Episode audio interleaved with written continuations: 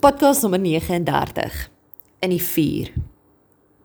Nou in sonnaarskoolklas het ons altyd grappies gemaak oor verskillende Bybelkarakters en dan het ons hulle name op 'n interessante manier onthou asook dan die storie wat God vir ons wou geleer het.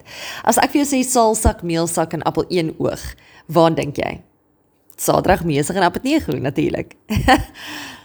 ek dink die rede hoekom ek vandag daaraan dink is omdat dit vir my persoonlik en as ek kyk vir die mense om my Dit voel my of ons die afgelope tyd net nog meer en meer uitdagende situasies ervaar as waarna ons nog ooit gewoond was.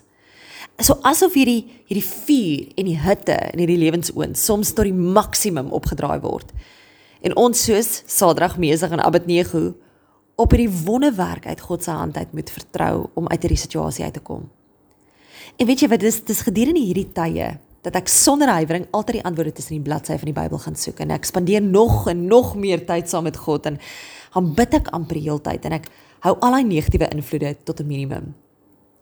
Ons praat van hierdie vlamme en wanneer 'n mens in die vuur is. En dit laat my aan 'n storie dink van Dr. Glenn Cunningham.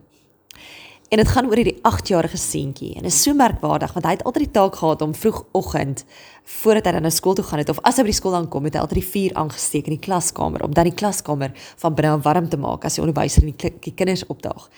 En een koue oggend het iemand verkeerlik die keroseenhouer wat hy elke oggend gebruik het om die vuur aan te steek met petrol gevul. En 'n ramp het die skool getref.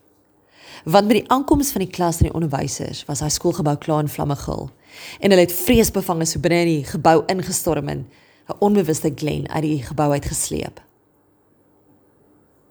Hy's na 'n hospitaal geneem en die dokters het vir hom geen kans op lewe gegee nie. Maar Glen het wel oorleef. En as gevolg van hierdie ernstige brandwonde wat hy opgedoen het in die onderste gedeelte van sy lyf, was hy in 'n rolstoel permanent. En hulle het vir hom sê hy sal nooit weer loop nie. Maar hierdie dapper 8-jarige klein seentjie het nooit moed verloor nie. En met groot gesukkel het hy homself daagliks, ons praat vir maande en maande aan een, uit sy rolstoel uitgegooi. Dat hy homself teen die heining opgesleep en dit gebruik as 'n steunpilaar om homself weer te leer loop. Sy deursettingsvermoë, sy uithou vermoë het vrugte afgewerp. En in Februarie 1934 het hierdie vasbeslote jong man, wat nie veronderstel was om te leef, never mind om te loop nie, het aan die befaamde New York Madison Square Garden Mile deelgeneem en hy het dit in 4 minute en 8 sekondes gehardloop. Die wêreld se vinnigste binneshuise myl. Kyk. Wat sê ek vandag? Ek weet nie alles in ons lewens gemaklik wees of seeplap verloop net omdat ons kinders van God is nie. Inteendeel, die vyand is lustig. En God sal altyd aan ons sy wees. Maar ons ywer en ons deursettingsvermoë sal bepaal wat ons uitkoms ook is. Ek kyk na hierdie Bybelse verhaal van Sadrag, Mesig en Abednego en ek leer vier goed vandag. Een is deur God te gehoorsaam spring mense noodwendig moeilikheid vry nie. 2 Mense is nie alleen nie, God is saam met ons binne in daai noodtoestand. 3 Myn jou nood gaan ons grootste getuienis word want mense hou ons dop. Hulle skep moed wanneer hulle ons stories sien, wanneer mense dit uitleef. Weet almal het geweet dat hierdie drie mans gelowig was. Maar sou hulle geloof hulle van hierdie vier kon red?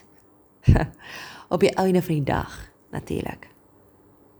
En die vierde punt is aan die einde van ons nood wag daar groot seëninge wat dit sê daarna het hy Sadrag, Mesig en Abednego bevorder. Wat sê ek vandag? Dis 'n Bybelse beginsel. Wanneer jy getrou is in tye van nood, kan God op jou vertrou in tye van voorspoed.